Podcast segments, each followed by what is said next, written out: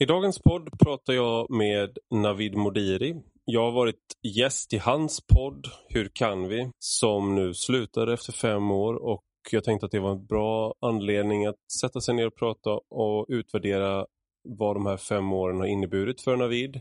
Hans podd har också gått ut på att man ska samtala med ja, i stort sett alla människor och att man kan komma någon vart med samtal. Han har kallat sig själv samtalsextremist, vilket vi också pratar om eh, vad det betyder. Vi pratar om kritik han har fått, bland annat för att han bjöd in, bjöd in Ingrid Carlqvist eh, för några år sedan. Vi pratar om hans mansgrupp, vad mansaktivism, eller vad man ska kalla det, är för någonting och varför det kan finnas ett behov av det. Vi pratar om kritiken som har kommit även mot mig om att man är ansvarslös om man samtalar med människor eh, utan att göra sam en samtidig granskning i realtid så att säga att man är eh, ungefär som Ekots lördagsintervju att man grillar gästen. Vi pratar också om vad han kommer göra härnäst. Ganska nyligen så skrev han en eh, bok min vän Björn som handlar om eh, hans samtal med Björn Attiko Lindeblad. Eh, Tack för alla inspel inför det här avsnittet, alla frågor och tankar som ni har inkommit med. Jag gör alltid en chatt inför varje avsnitt med en gäst där jag ber er komma med inspel och frågor som jag ska ställa till gästen. Och eh, jag tycker att det funkar väldigt bra och jag är väldigt glad att så många av er har valt att bli betalande prenumeranter för att kunna delta i de här diskussionerna. Det är också bara betalande prenumeranter som kan ta del av svaren när jag ställer lite mer, ibland lite mer intima frågor till, eh, till mina gäster ehm, och när jag ställer då mina, eh, eller era, frågor till gästerna. Men nu till dagens gäst. Du lyssnar på Rak Höger med mig, Ivar Arpi.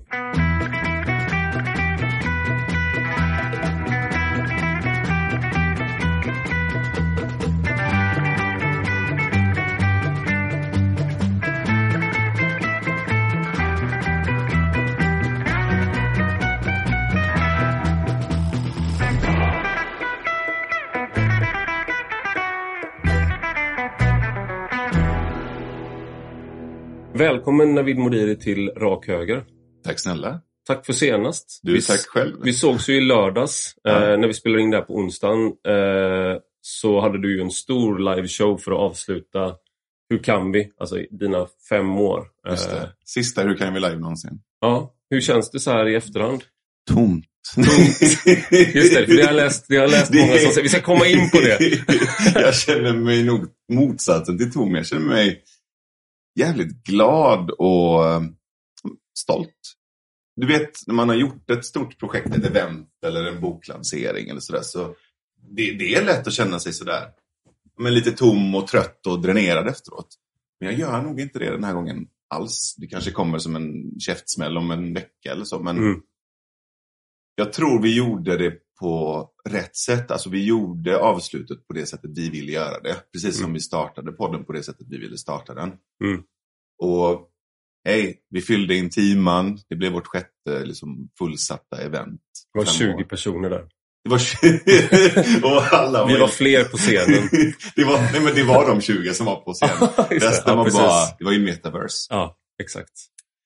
Um, men också, men Men det var en häftig känsla. Alltså, jag är ju inte, jag har inte gjort några egna liveshower eller sådär. Men man är ju på sådär debatter eller liknande. Och eh, man, det är ju ganska vanligt att man kommer till ställen där det kanske är 40 personer i publiken. Eh, när det är någon som anordnar Sveriges Radio eller något sånt där som har något sånt där. Eh, men det här var ju verkligen eh, två plan. Och eh, Intiman är en teater så det var ju så här, vad var det ni sa, 580 eller 590 eller något precis. sånt där. Så, Så det var ju verkligen ett, med, med liksom personal och de 170 gästerna på scen. Så, ja, exakt. Och alla pratade i munnen på Alla varandra. pratade i munnen på varandra. Men det var ju också det som var grejen. Det var ju, jag uppskattade också eh, det kaotiska i det. Mm. Och om folk tyckte att det var kaotiskt på scen, eh, då skulle de ju bara veta vad som pågick i logerna. Ja, Alltså ljudvolymen, om man tyckte att Hanif Bali pratade högt Mm. på scenen. Nej, nej, nej. Den där lilla pipan går till 11. Liksom. Mm. Och jävlar, du kunde höra honom från toaletterna liksom. på väg in till stora logen där ni satt.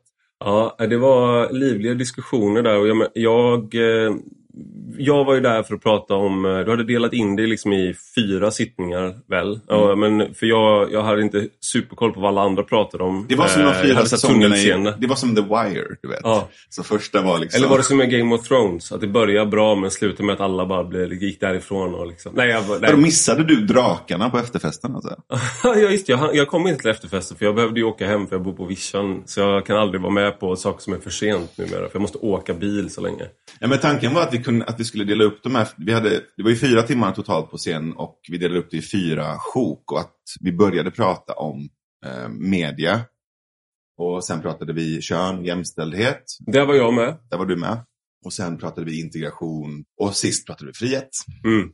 Um, så det, det, det, följer inte riktigt uh, dramaturgin i säsongerna av The Wire. Men, men skämt åsido, det, det var lite där jag fick så här inspirationen till att fan, det är nice att få med de olika lagren och sen så finns det någonting som går genom alla lager. Mm. Som alltid finns med, precis som i The Wire. Som man får, det är som en, som en uh, underliggande uh, som flod under alla de här temana som, som, som går igen. Och, och det är ju någonstans där hur kan vi ha försökt bidra med någonting.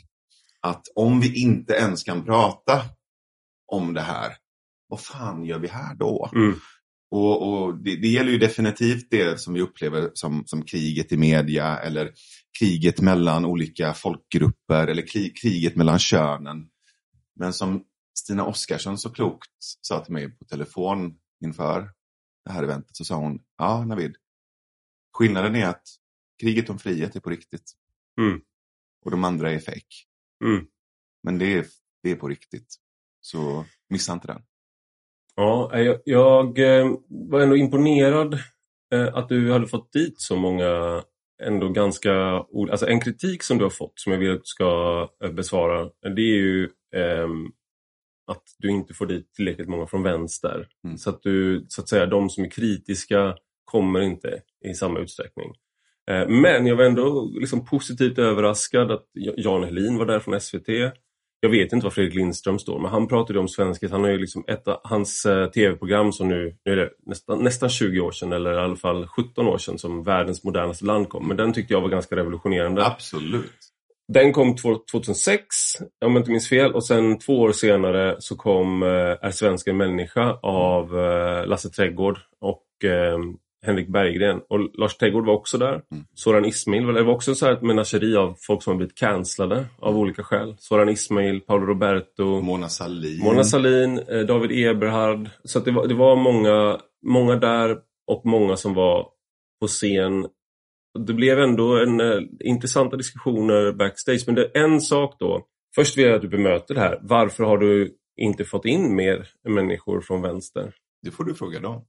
Mm. Jag har ju och det säger jag ganska ofta, både jag och redaktionen lägger ju mer eller mindre dubbelt så mycket tid på att få in folk från vänster men också på att få in fler kvinnliga mm. Eh, gäster både till podden och till, till eventen. Jag menar, vi vill att det ska vara blandat. Mm. Det är ju det som är hela premissen med Hur kan vi? Och folk fortsätter ju projicera någon slags högerstämpel för att utfallet har blivit det. Men utfallet är ju ett resultat av någonting som pågår emellan oss och Sverige. Alltså det mm. pågår ju någonting här. Men vi får en, en projicering av att vi är högertiltade. Mm. För att det, det eh, och det här är också sant, det här är också roligt att titta på. Eh, det är inte ens så. Mm. Så det är så många fel i den här analysen, om jag ens ska kalla det för en analys. För det första, resultatet av gästerna vi har bokat till exempel till själva Hur kan vi-podden, det är inte högertiltat. Mm. Eh, på eventen så uh, har vi haft fler män, det är sant. Det är mycket svårare att få kvinnor att dyka upp på de här eventen. Jag, jag tror mig veta varför. Samma sak med podden. Varför är det svårare? Jag tror att det finns, eh, som, som du vet, som alla de här frågorna, det går inte att svara. Alltså, den som svarar enkelt ljuger. Mm. Så att jag vet inte, men jag har några olika lager och förklaringar till det. För det första, män är Eh, på gruppnivå mycket mer assertiva än kvinnor är. Och det här, de här samtalen är ganska konflikt... Assertiva, alltså att man tar för sig och eh, liksom går på. Gå påig och, och tar plats. Och så här. Det är klart jag ska vara här och berätta och prata om detta. Mm. Det är, det är, Därav uttrycket eh, att det finns någon slags resonans i uttrycket killgissa. absolut. Att man, har, man känner sig självklar på något Ja, sätt. Mm. Och man har även gjort undersökningar på det här att det finns, det finns i större utsträckning kvinnor som är mer kompetenta och är experter och auktoriteter i vissa områden som inte kliver fram för att kommunicera eller dela det de har att säga. Fler män som kan mindre men, men tar mer plats och säger det. Mm. Killgissar, mansplainar och ja, bryr sig inte lika mycket. Jag tror att det är för att vi på gruppnivå är programmerade till att ha, göra olika saker. Kvinnor är mer programmerade relationellt. Relationen är viktigare, män är mer pro- programmerade för, för projektet och saken. Mm. Saken är viktig. Och då tror jag att det, det spelas ut. Ehm, jag tror också att kvinnor är mer rädda för de eh, riskerna och konsekvenserna av att vara med. Inte vara med i Hur kan vi, men att, att sticka ut hakan i ett känsligt område. Mm. De är mer rädda för sociala bestraffningar, för de är mer sociala. Sen kan det också finnas, eh, det finns, om man ska lägga på en feministisk lins på det, så skulle väl eh, en kritik mot den här förklaringsmodellen vara att kvinnor straffas hårdare för sin man kan, Att vara en skön kille, så att Mm. säga, Mm. är lättare Mm. eh, och man kommer undan kanske med mer. Absolut. Eh, eftersom vi kanske är vana då vid att killar är debattörer. Att liksom en, en skarp kvinnlig debattör kanske får hårdare kritik skulle en del säga. Och sen också att De får andra typer av hot också. Ja, precis. Mm. Jag tänker på det för att jag har ju, jag har jobbat nära ett antal eh, så här, kvinnor som är ute i samma debatter. Mm. Jag mottar hot och de mottar hot, men det får en annan konsekvens när du är en ensam tjej som går på gatan än om du är eh, jag. Det betyder inte att jag går runt och känner mig trygg och att jag är så kavat och bara liksom, jag kan ta vem Det som kostar helst. mer för, för kvinnor. Men det har gjort, Ja. det, om jag bara kollar rent konkret så är det, det är inte det att de är mindre tuffa i liksom, vilka debatter de kan tänka sig ta eller hur de kan skriva eller sådär. Tvärtom ibland. Men däremot så har liksom den här typ våldtäktshot, Mm. sexualiserade Mhm. reaktionerna, det, det, tar ut sin, eh, det tar ut en kostnad på Ja. kvinnor som det kanske inte gör på, på män. Jag vill bara föra in det så att vi... Absolut, Ja. du har helt rätt. Så alla de här aspekterna, det, det jag menar med att det finns så många lager av det.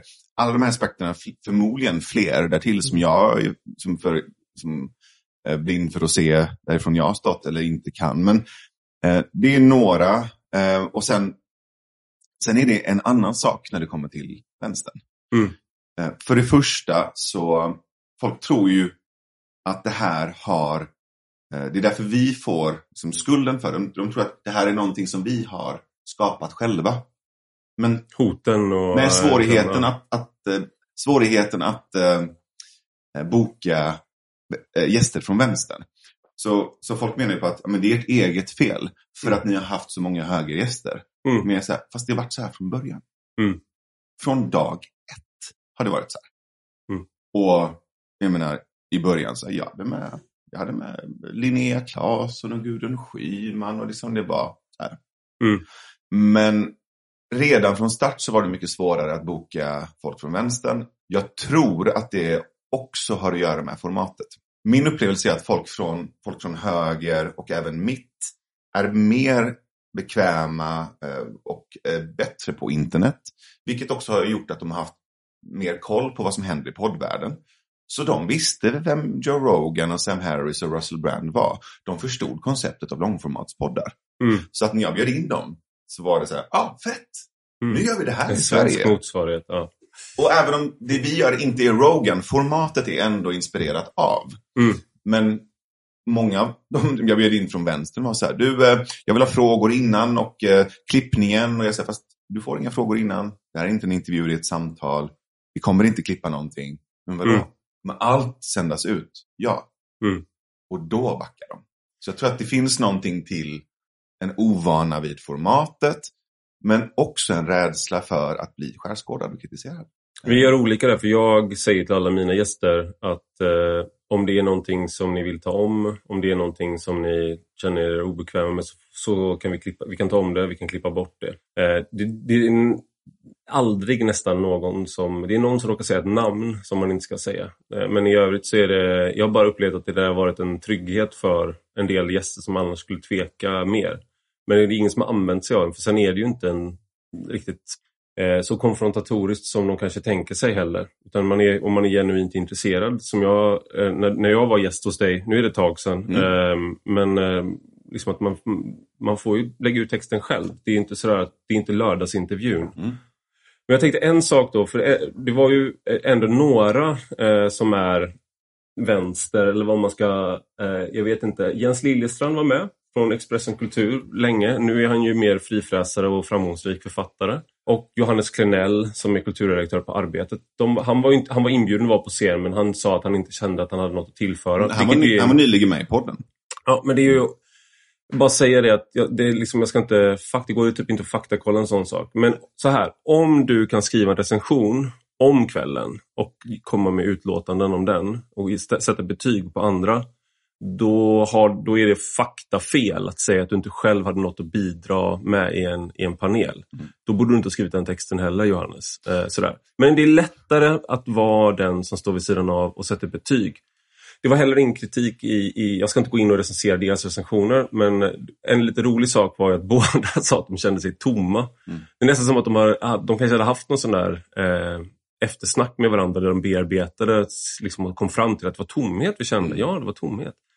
Men han, eh, han hade ingen kritik i sak egentligen, utan han var bara rolig på allas Mm. bekostnad. Mm. Alla som var på scen eh, raljerade väldigt mycket och Mm. han är väldigt bra på det. Jag Ja. skrattar ofta åt Ja. mig själv när jag läser hans texter. Det, är- det är Eh, skitkul. han är ganska bra på, på att dissa mig, eh, sådär. men eh, det finns ingenting att svara på egentligen. Men jag tyckte Jens Liljestrand var ändå inne på någonting som handlar om, eh, det här blir liksom en lång inledning, men han var inne på någonting i sin text som jag tänkte att du skulle få, eh, liksom, jag tänkte vi skulle försöka bena ut lite. För han skrev att, eh, jag satt och pratade med honom ganska länge ska jag säga då för eh, disclo- full disclosure, så här. vi pratade om eh, tanken med audience, att vara audience captured, att man är till exempel som nu då, om jag sitter när jag pratar med dig, om jag sitter och tänker på en specifik lyssnare som jag måste tillfredsställa. Mm. Eller om man, för, liksom, om man tänker bort det och hur man i så fall gör. Och hur han nu har gjort då när han som skönlitterär författare eh, skriver i flera länder. Har han ändrat sin tänkta målpublik eller är det liksom någonting han ens tänker på? Så det pratade vi en hel del om. Han, han skriver så här. Ja, stämningen i, i, i logen eller green room är, tre, är god, folk är trevliga. Jag har nu citat då. Det här förmodar jag är vad Modiri drömde om när han 2018 startade sin samtalspodd. Ett rum där individer av vitt skilda ståndpunkter kan umgås som människor, prestigelöst, empatiskt, konstruktivt. Jag får associationer till den mytomspunna historien om soldaterna i första världskrigets skyttegravar som på julafton lade ner sina vapen och spelade fotboll i ingenmansland. Jag ska bara säga att jag, jag tycker det var kul för att det där var så jag beskrev det i, när jag var där, till folk. Att nu är vi uppe i, nu är det julfreden här. Så att, jag vill inte säga att jag vill inte anklaga honom för att ha stulit det från mig.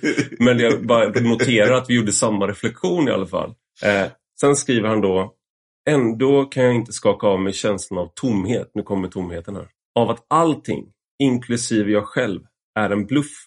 Och då menar han då eh, att vi liksom, vi alltid på något sätt då hamnar i lågaffektivt bemötande av varandra där alla får tala till punkt. Ingen konflikt är för infekterad, ingen åsikt för extrem. För Navid Modiris sammetsröst, sammetsröst skriver han här då.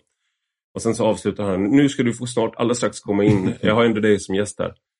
Kanske blir den nya extremismen då att vägra samtala, att vägra ta i hand, vägra sätta sig i samma soffa, delta i samma panel, dricka ur samma vattenkaraff, andas samma luft. Den accelererande rent fysiskt brutala skoningslösheten i världen därute, klimatkatastrofen, Ukrainakriget, flyktingdöden på Medelhavet kan komma att göra den konsensusfixerade åsiktsteatern motbjudande. Ett postmodernt svek mot allt som är på riktigt. Den kan till slut få bojkotten att framstå som det enda mänskliga. Nu vill jag höra vad du tänker om den här kritiken. Det finns så mycket att säga om det här. Det finns så mycket att eh, dekonstruera och det finns så många små brödsmulor han har lämnat här för att vi ska kunna följa. Om vi börjar med just det här ordet tomhet som både Liljestrand och Klenell använder så tror jag att det säger någonting på riktigt. Jag vill, jag vill lyssna till den ledtråden på riktigt för jag tror att de känner sig tomma. Jag tror däremot inte att anledningen som de anger är, är, är den rätta anledningen. Så tänk att du går runt eh, och, och är i någon slags krigisk pose. Eh, du, du, du, eh, du, du är anspänd, du går runt och liksom, du vet, eh, håller koll och du är misstänksam mot allt och alla för att du är i ett krig. Um, vem som helst kan vara... Det är så jag är när jag gått lika. Men ja. du vet, när man har varit med i ett drev till exempel, mm. när man är mitt i det. Mm. vet den här, alla tittar på mig för alla mm. vet vad det är jag har sagt i den här jävla podden. Mm. Och det är inte sant, ingen bryr sig. De flesta vet inte ens vem du är. Men du tror att alla tittar på dig. Um, och om du befinner dig i en slags liksom, uppställd eh, krigssituation en, en illusion av att du, du är på en sida och så finns det andra som är på en annan sida. Om det är din berättelse så går du hela tiden runt och är misstänksam mot personer som du tror är från den andra sidan. Och så kommer du in i ett sammanhang där de är på plats. Mm. Liksom, in the flesh. Och det första som händer är att du får en kram av en av dem. Av Hanif Bali. Av Hanif Bali, ja, som dessutom är din händer... nya kollega på Expressen. Ja, just det. Uh, och sen kommer du in i ett rum där det både är de som är på din så kallade sida och de som är på den andra så kallade sidan. Och där, du inser att det där kriget var bara en illusion. Det är klart att någonting bara så blåses ut på energi. Någonting bara dämpas. Och du, du blir som den här soldaten de hittade på någon ö, du vet, som trodde att han hade, som, att kriget fortfarande pågick. Jag var som, Japanska soldater. Japanska soldater. Ett föredöme för oss alla.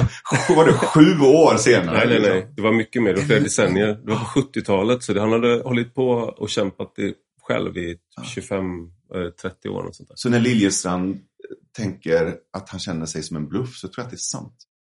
Jag tror mm. att vi alla, vi alla egentligen bluffar i det här uppställda kriget. Mm. Och jag kommer tillbaka till den här scenen i Hunger Games när Katniss Everdeen bara så här Stopp hörni, för i helvete kommer ihåg vilka den riktiga fienden är. Mm. De tittar upp mot, vet, de tittar upp mot det här kupolen och bara Mm. Det är de vi ska slåss mot, inte Jag vill mot bara varandra. säga att jag tar avstånd från Nabil Modiris antisemitism här. Helt uppenbart att han syftar på judarna här. What? Lyckades du göra den kopplingen? Jag tycker ja. det här är inte rätt ställe Navid. Ja, curveball. um, Jag tror... Men vilken, vilken är fienden då som vi egentligen borde rikta oss mot då?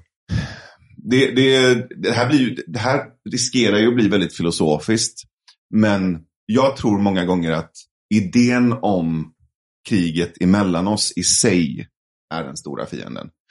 Och jag älskar att ha ett krig av idéer. Jag älskar att vara i det liksom, eh, råa, stökiga samtalet där vi kan kriga om eh, om saken, om, om, om eh, som argumenten. Men när det går över till att det blir ett krig emellan oss, när vi börjar se varandra som fiender och det blir faktiska läger, då, då har det gått fully retard. Alltså då, då kan mm. vi backa de här sista 10 procenten. För att det är inte det eh, den offentliga diskursen eller, eller, eller den vetenskapliga diskussionen eller det politiska samtalet någonsin har handlat om det måste alltid vara i syfte att stärka samarbetet. Jag, jag tror att här är det ju, återkommer ju det här med, alltså Jens Liljestrand är inne på då att det var någon som sa det, det var Paolo Roberto i den panelen jag var med, just det här att det tillskrivs, eh, eller om det var Johannes Klenell som skrev det här, men att det tillskrivs eh, Winston Churchill att ehm, det här att när du är ung, eh, om du inte, har, om du inte är vänster när du är ung har du inget hjärta, om du inte är höger när du är, är äldre så har du ingen hjärna. Mm. Och då att högen, och det här upplever jag något som återkommer hela tiden, att eh, det här, och det här pratade vi faktiskt om, eh, jag ska inte outa någon, man får inte, det är så här Chatham rules typ när man är sådär green room, men Per Lindgren och Bilan Osman pratade lite om det här. Eh, liksom, Bilan Osman som jag eh, som människa gillar väldigt mycket. Mm. Eh. Men vi, vi hamnar väldigt ofta på motsatta sidor. Mm. Men då att om hon ändå försöker att så vara Eh, tolerant, då är liksom, det är hon som har den det var det Per Lindgren sa, då, så här, det, det, är hon som är tolerant, det är inte Per Lindgren som är tolerant. Alltså, det, och det är den här dynamiken som finns väldigt ofta. Att eh, när man kommer som höger så ska man liksom charma människor om att man inte är Darth Vader. Liksom. Och det är också därför man kan skoja mycket om att man är det. Man kan skoja om att man är ond. För att man vet att det är det, den bilden folk har av en. det. Eh, och det här återkommer hela tiden i massa sociala situationer där folk får veta, ja, men som en kompis som eh, är väldigt vänster, han är medlem i Vänsterpartiet men han tyckte de var för höger så nu han gick ut. Eh, och så träffade han en tjej som är ungefär samma och eh, ja, med glada kommunister så där var de ihop. Och eh, så visade det sig då att eh, efter typ några dejter att en av hans bästa kompisar är Ivar Arpi. Och då så, så blev hon ju helt paff. Hon kände en känsla av tomhet tror jag. Eh, sa liksom att jag trodde inte att jag skulle behöva skriva ut på Tinder att eh, liksom, swipa inte eh, om du är bästa kompis med Ivar Arpi. Liksom. Men nu inser jag att jag borde ha skrivit det. För det är för specifikt liksom. Men jag kände att det var, Så, det var så här. Jag trodde det räckte med att säga om du är sverigedemokrat, swi- swipa inte. Men att nästa steg är ju liksom att vara inte kompis med. Sådär. Men sen, ja, sen har jag, liksom, jag lärt känna henne lite och sådär. Så då, då blir man okej. Men det är, det är snarare då att den här förlåtelsen fin går från ena hållet till det andra. Mm, Och då är den här samtalsextremismen då. mm. Men då är det, ju, ett- det är ju ett sätt för högern att försöka att eh, maskera sina verkliga avsikter. Ja, precis. Och, och, den kom, och den återkommer ju också. Jag får ju ofta den frågan, eller snarare den misstänksamheten riktad mot mig. Ett ifrågasättande av min faktiska intention. Så här, vad är ditt egentliga syfte? Vad är det du egentligen vill? Du gör det här för att. Du gör det här för att gå högens ärenden. Du gör det här bara för att tjäna pengar. Du gör det här för att. Jag bara, fast jag har sagt varför jag gör det. Mm. Från början till slut. Det står till och med på vår hemsida. Vi har ett Mm. jättetydligt syfte. Och om du tittar på vad det är vi gör, om du skulle titta på det eller göra en affärsmässig analys så inser du ganska snabbt att vi är fullständiga idioter i så fall. Vi är helt värdelösa på att tjäna pengar. Mm. Om det nu är vårt syfte. Och, och tittar du lite närmare så ser du att vi dessutom har förlorat pengar på det. Så ganska snabbt fattar du att det här handlar inte om pengar som syfte. Och sen så finns det en effekt av att vi tjänar pengar på det för det är jag menar, det är finansierat av Patreons, av frivilliga donatorer. Mm. Och någon gång då och då så är det ett modigt företag som har vågat göra ett samarbete med oss. Ja. Eh, Men du fattar ju ganska snabbt att hade vi velat tjäna pengar, hade du som bara gjort fem minuter research och tittat på vad jag jobbade med innan så kunde du se att okej, eh, jag, jag, jag kan välja en väg där jag tjänar mer och gör saker mycket, mycket lättare för mig. Mm. De senaste fem åren så skulle jag inte säga att jag har gjort det lätt för mig på något sätt. Varken att du vet, vara verksam, att tjäna pengar, att försöka ha något jävla varumärke eller karriär. Det har varit fullständig, liksom, eh, vad ska man säga, men jag har ju varit mo- motsvarigheten till en eh, som karriäristisk självmordsbombare. Jag har ju Mm. i så fall snarare förstört för mig själv och tagit den svåra vägen. Och det handlar inte heller om att jag vill ta den svåra vägen, utan det har varit centralt att göra det som jag tror, som vi tror på är. Mm. Och det kostar. Det vet ju du också. Det kostar så jävla mycket. Och det säger jag inte från en, en millimeter av offerskap, utan bara så här för att konstatera. Jag har i fem år tillsammans med de jag jobbat med ansett att det är värt att betala det priset. Mm. För det vi har gjort, det vi har velat göra, har betytt så mycket för oss. En sak som Jens Liljestrand är inne på där jag... Det är det här, finns det någonting som är eh, politik som är på riktigt? Och eh, jag känner ju själv eh, eh, ganska ofta att eh, man deltar i en, en teater. Mm. Eh, och ibland så är det, förlåter jag mig själv. Alltså om, om Aktuellt ringer i en fråga där jag har en stark ståndpunkt då kan jag ju spela den rollen utan att behöva spela så att säga. Mm. Eh, då jag kan vara den personen och du får sju minuter och du ska ha en linje och du ska säga några saker. Och jag vet och min motdebattör vet, programledaren vet och säkert alla som kollar också att det finns mycket mer att säga. Men du, du, även om du deltar i en teater då, det är som en evig teater med bestämda roller men där liksom skådespelarna byts ut då och då. Eh, sådär. Och det är okej, okay. jag kan delta i den teatern även om jag tycker liksom att det är inte det som jag framförallt vill göra. Men sen finns det den här, som till exempel, jag har debatterat väldigt mycket med Anders Lindberg eh, som är Aftonbladets eh, politiska chefredaktör.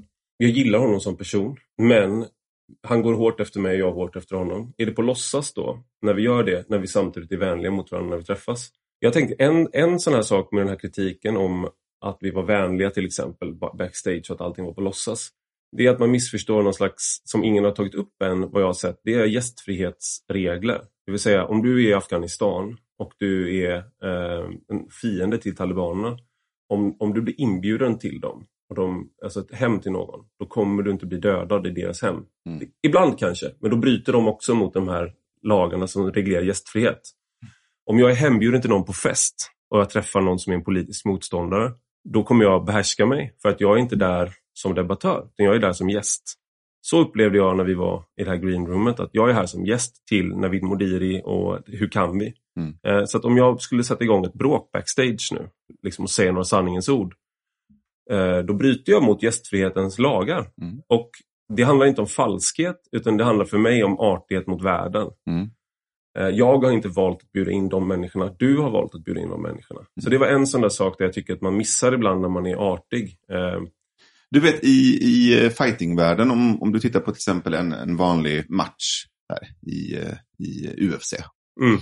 Så finns det, det är, det är som att det finns två olika kategorier av fighters. Det finns de som respekterar spelet, lever enligt eh, ja, men hederskodexen. Ja, deras Bushido eller vad man ska kalla det. Jo, ja. så här, Ja. touch gloves, Ja, respekt, du, du bugar inför den andra. Mm. Eh, och när du har gjort det och när själva spelet är igång, då är spelet att eh, vara råa mot varandra. Och det finns alltid de här olika, eh, det finns gränser även i den råheten, även i MMA. Det finns gränser.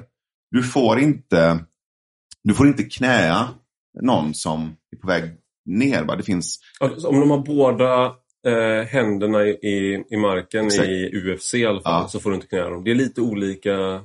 Det är vissa som i, i, i Pride tidigare så fick man det. Då fick man också Ja. sparka fotbollsspark mot huvudet på någon som låg ner. Mm. Det får man inte i UFC. Och det är vad du inte får göra. Och sen Mm. finns det- finns förutom men det du faktiskt inte får göra så finns det ju fortfarande en kod också i oktagonen för vissa som är lite mer i det, liksom, den ädla nivån av, av spelet. Att när, när en motståndaren ligger på rygg och du har liksom slagit mot honom och han, han bara ligger kvar och han inte reser sig. Ja, men då, då backar du och så väntar du och så låter du honom resa sig. Alltså, det finns vissa som spelar det med lite mer av det nobla, lite mer, det är lite mer Bruce Lee eh, än det är liksom eh, eh, fotbollssupporters som, som spöar på varandra i en gränd.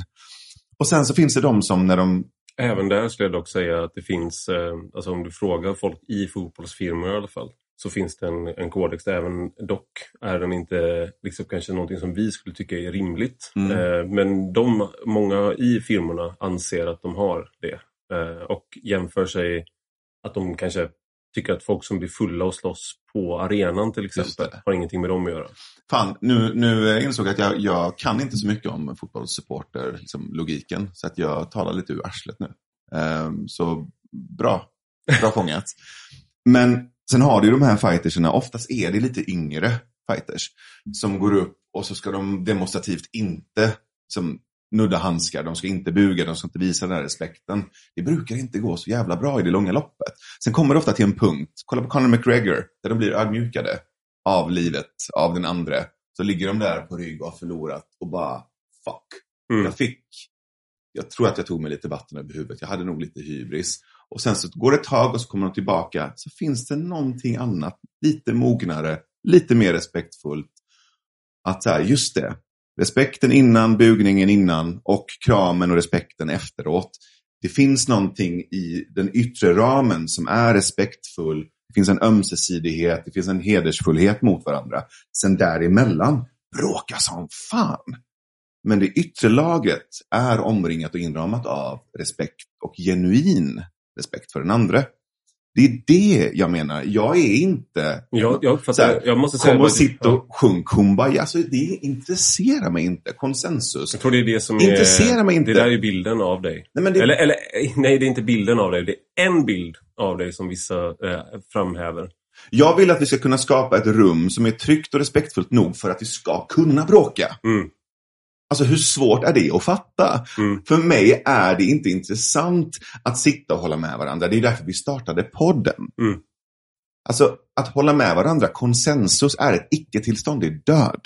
Att undvika varandra är också ett icke-tillstånd och död. Jag vill att vi ska mötas Och för att kunna bråka på ett konstruktivt sätt för det gemensamma projektet som är Sverige, då måste det finnas en gemensam ömsesidig respekt och trygghet i det rummet.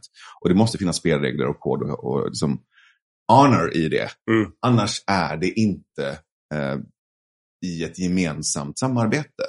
Jag, jag uppfattar det som att det nästan är som motsatsen till en boxningsring. Jag, jag tycker att eh, hela den övriga världen är på allvar. Eh, och, men om du blir inbjuden till något, ett samtal till exempel, då är det fred. Eh, just där, du lämnar vissa vapen vid dörren.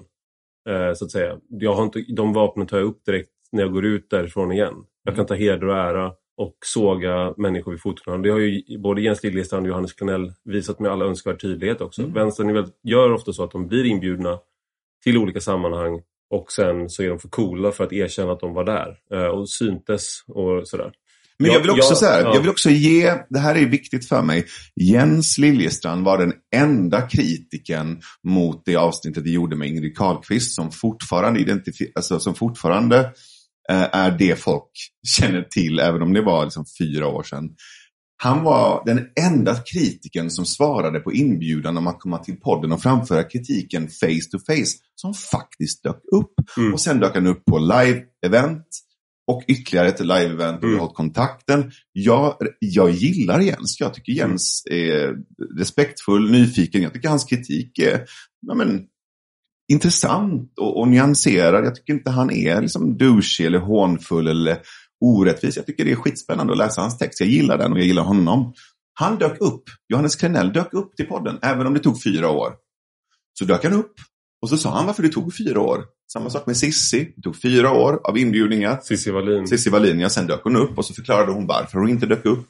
Det, det där är ju fantastiskt. Så jag vill ju verkligen hedra dem för att de dök upp till podden, de dök upp till eventen.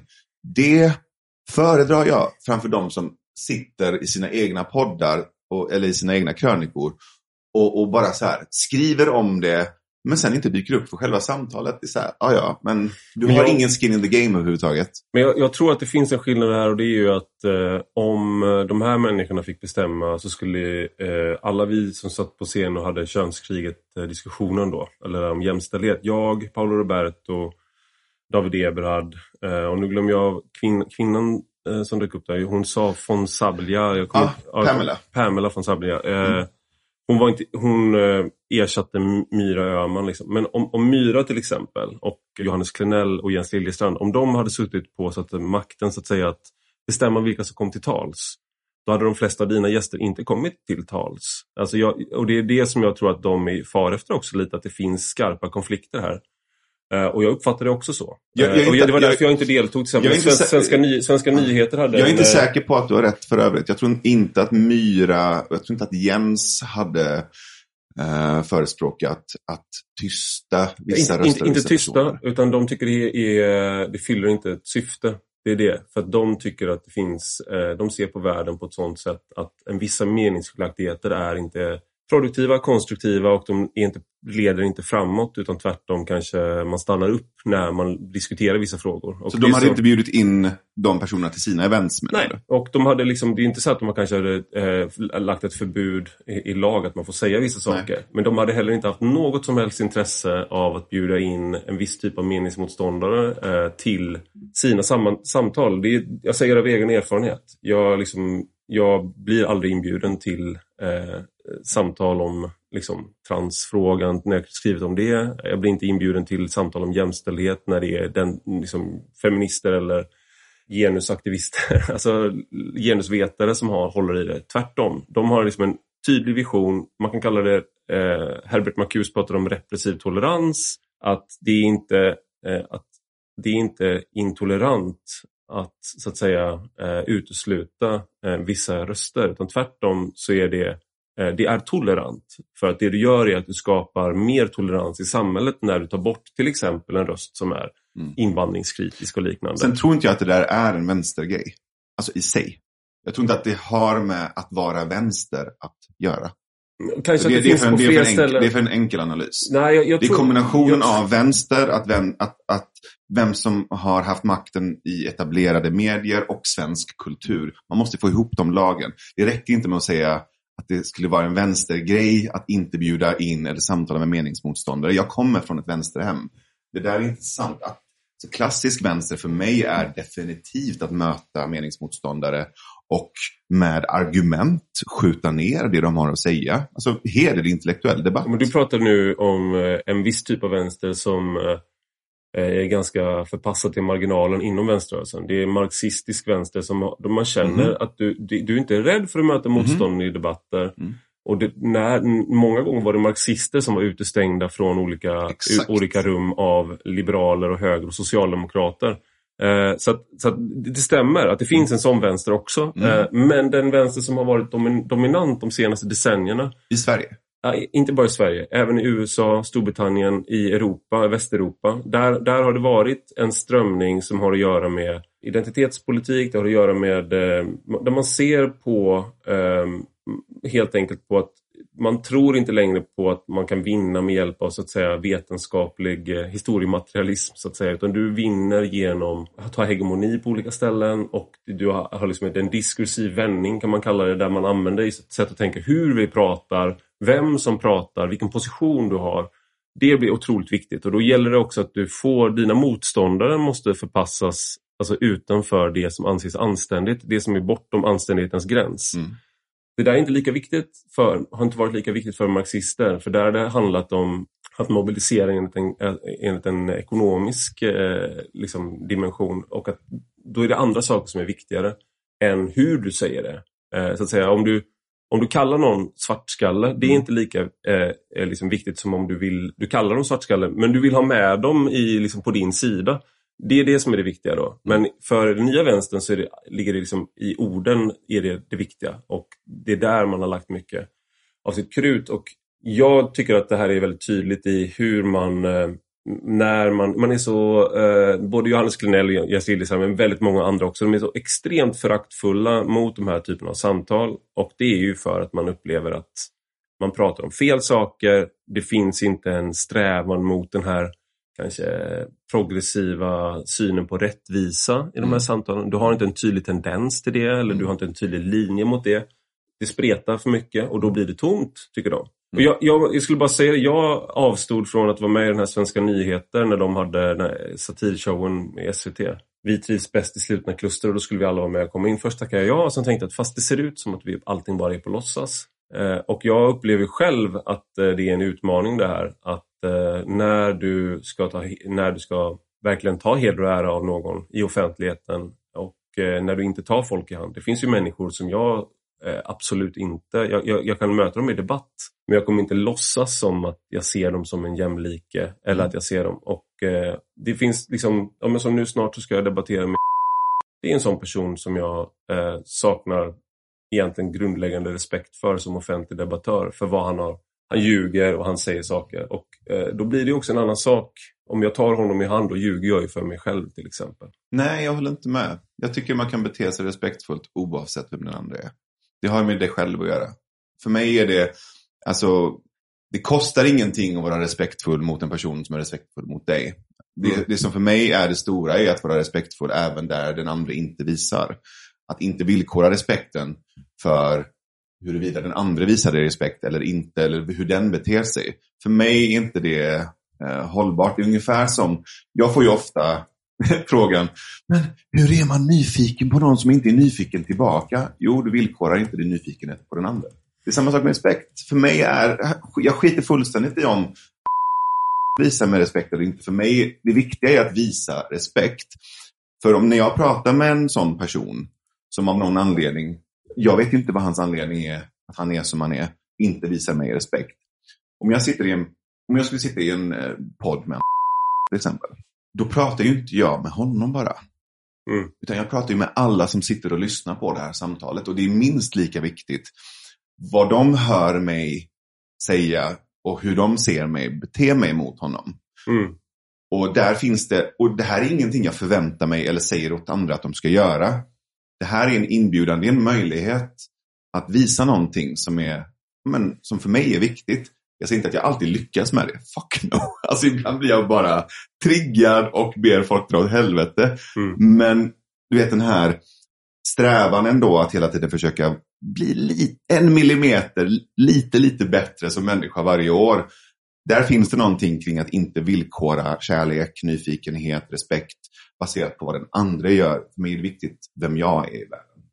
Och då de stora liksom, möjligheterna ligger i de situationerna som är svåra, om inte omöjliga, att visa respekt i, eller att visa empati eller nyfikenhet i. Det är det som blir liksom, då blir det på riktigt. Både i, ja men det behöver inte vara en podd, det kan också vara i, du vet, vardagliga möten. Det är inte svårt att vara schysst när den andra är schysst. Det är svårare att vara schysst när, när den andra inte är det. Mm. Det här är ju, eh, vad ska man säga, det är ett väldigt kristet budskap att eh, älska din, eh, din fiende. Inte liksom bara för vad ska man säga, fiendens skull utan också för en egna skull, ens egen skull och för världens skull på något sätt. Att man är, man är kraft för någonting gott istället för någonting ont. Liksom. Och, eh, jag, jag tänker till stor del som du, men jag tror också att det finns gränser för eh, samtalen, så att säga. I alla fall i offentligheten. Jag, tänker på, jag tänkte upp för, ta upp det just att du fick ju kritik då för den här när du gjorde en eh, podd med Ingrid Carlqvist, ett avsnitt mm. med henne. Eh, för att hon då eh, har förnekat förintelsen med mera. Det finns ju väldigt mycket kritik mot henne. Och hon ansågs då ha fått lägga ut texten för mycket utan att du avbröt tillräckligt eller mm. var tillräckligt kritisk. Mm. Och det här går igen, jag tänkte att det här går in lite i internationellt eller i amerikanska poddar så har ju Sam Harris på senare tid varit väldigt tydlig med kritik mot andra poddar som Joe Rogan till exempel, att han tycker att de släpper in, han har släppt in gäster som inte är good actors, de är inte tillräckligt seriösa eller faktabaserade och då, då har det framförallt gällt covid. De har varit så vaccinskeptiker. Mm, Robert och, Malone var väl det avsnittet ja, mest kritik Brett Weinstein är en sån där som han har varit väldigt eh, och då att Sam, Joe Rogan återkommande bjuder in. Visar det här liksom på begränsningarna i då i den här typen av samtal det visar på en möjlighet till djupare förståelse för vad det här är. Jag tror att mycket av det här handlar om eh, missförstånd när du jämför äpplen med päron. Om du tittar på Joe Rogans podd till exempel och jämför den med en eh, traditionell journalistisk produkt så kommer Joe Rogans podd att vara sämre än den traditionellt eh, journalistiska produkten utifrån traditionellt journalistiska mått mätt. Och då tittar de här personerna på Joe Rogan och säger det här är dåligt, det här är dålig journalistik. Det det egentligen innebär är ju det här är någonting annat. Alltså det här är ju inte på samma sätt journalistik som New York Times eller Washington Post eller CNN strävar efter att vara. Det här är någonting annat. Men du jämför det, du mäter det med samma linjal och säger enligt den linjalen som vi tycker att saker ska vara så är det här dåligt. Men om du tittar på det för vad det är så blir det ju plötsligt någonting annat och då blir det intressant. Då kan du titta på det utifrån vad det är. Och om du skulle jämföra Washington Post med Joe Rogan, om du bara tar de två, så är Washington Post föreställningen och Joe Rogan är repetitionerna. Du kan inte gå in i en pågående teaterrepetition och säga det här är en dålig föreställning. För den är inte klar, det är inte resultatet i processen. Joe Rogan är processen, Washington Post är resultatet. Jag tycker både Washington Post och New York Times är, är ganska ofta är, inte uppfyller sitt journalistiska uppdrag. Det, och jag, tänkte, men, jag visste men, att du skulle säga det, och det kan vi också prata om, men om, om, om, om man bara tar den här liksom, jag, jag förstår, precis, jag, jag förstår, precis vad du menar. Jag förstår vad du menar. Jag måste bara tänka på min target audience här. Jag, ja. Nej, men jag vill ju bara få in det ett problem, innan jag startade min Substack så gjorde jag intervjuer med, liksom, eller jag pratade med, med tog kontakt med människor i USA som på Substack, eh, olika publikationer, pratade med dem om hur det gick, om de fick ekonomi i det, liksom, hur de tänkte kring sin publik, jämförde med sina tidigare jobb. Pratade med, liksom, eh, om en, med, med, med Spectators chefredaktör Fraser Nelson som jag är lite bekant med och den typen av människor frågade liksom, hur gör ni? Mm. Och en sak som återkom var ju det att den här typen av eh, tidningar som har en, eh, och publikationer som har en tydlig eh, slag, alltså så här att de har en tydlig linje till exempel. Som Spectator är en sån tidning. Eh, tidigare var det att man hade ett nyhetsflö, en nyhetsmedia och så hade du det som ett tillägg. Idag så är många av läsarna som läser Spectator till exempel, de har det som huvudsaklig nyhetskälla. Vilket förändrar deras roll menade då deras eh, chefredaktör. Och samma sak när jag pratade med flera så här, högermedia i, i USA. De, de tidigare kanske hade varit mer opinionsjournalister, men de hade försökt förändra sin roll för att de insåg att nu har vi en annan roll nu. Och där är det ju lite med eh, Joe Rogan också, att vissa, jag har en kompis som, eh, alltså, han läser knappt eh, tidningarna, och, men han lyssnar på Joe Rogan, han lyssnar på massa poddar. Mm. Jag kan fråga honom om allting med krypto. Han är superuppdaterad med allt sånt. Mm. Men när han skulle, en dag skulle han gå ut och grilla på stranden och så gick han ut och så liksom gjorde upp en eld och skulle grilla korv med sina, sina barn. Och, sådär då. och då kom det, kom det ett par som gick förbi och sa du det är inte så bra att du eldar här. Jag bara, Vadå, jag har eldat här massa gånger. Ja, men det, är, liksom, det är brandrisk, alltså det är risk för skogsbrand. Så bara, Det skulle man väl sett någonting om. Ja, men det har varit lite rapporterat om det. Och då surfade han ju in och det var ju när det var skogsbrand i hela Sverige. Alltså det var, han hade bara, han hade bara varit sån total nyhetsundvikare, att han har liksom missat det. Men han är helt uppdaterad på intellectual dark web. Mm. Och då får man ju också ett annat ansvar som, det här är väl Sam Harris argument, att om, om, jag, om man bjuder in någon som Ingrid Carlqvist till exempel och inte ifrågasätter på rätt sätt, eh, då är risken att eftersom vissa av de som lyssnar kanske har det som en av de huvudsakliga nyhetskällorna, då räknar de med, till exempel med dig, att du kommer ifrågasätta vid rätt tillfälle. Och samma med mig, jag får, samma, jag får den här kritiken också nämligen. Vad, vad, vad, tänker du kring det? Jag tänker att det är ett otroligt förminskande sätt och ett otroligt paternalistiskt sätt att se på människor. Det är ungefär som att McDonalds ska ha ansvar att sälja morötter bara för att du alltid äter på McDonalds. Varför äter du alltid på McDonalds, din jävla idiot? Det är ju problemet, att du bara äter på McDonalds. Om du bara lyssnar på Joe Rogan, om du hämtar Så din... vi ska förbjuda McDonalds? Vi ska förbjuda, det är det jag vill landa ja, okay. Du, Bra. du förstår Tack. mig. Du förstår Tack mig Navid Modiri för att du var Tack med. Tack Nej men alltså det finns ett systematiskt problem här. Det finns någonting djupare att titta på. Och det är hur kommer det sig att en betydande del av USAs befolkning, jag säger inte en majoritet, men en betydande del av USAs befolkning hämtar sin vaccininformation från en jävla stökig MMA-kommentator. Det är någonting för Demokraterna att titta på. Det är någonting för etablerad media i USA att titta på. Det är de som har förlorat den här gruppen. Det är de som har missat den här gruppen. Det är de som har fuckat arbetarklassen i USA i decennier nu. Så att de inte längre har förtroende. Samma sak gäller SVT. SVT blir arga på dig för att de som SVT har tappat lyssnar på dig. Istället för att fundera på varför har vi tappat dem? För mm. de tappar alla under 65 nu. Mm. Alla! Och istället för att bli arga på Ivar Arpi så borde de titta på sig själva och så här. Okej, okay, vad är bjälken i mitt öga? Om jag nu mm. citerar. Det är väl också, är det Gamla Testamentet?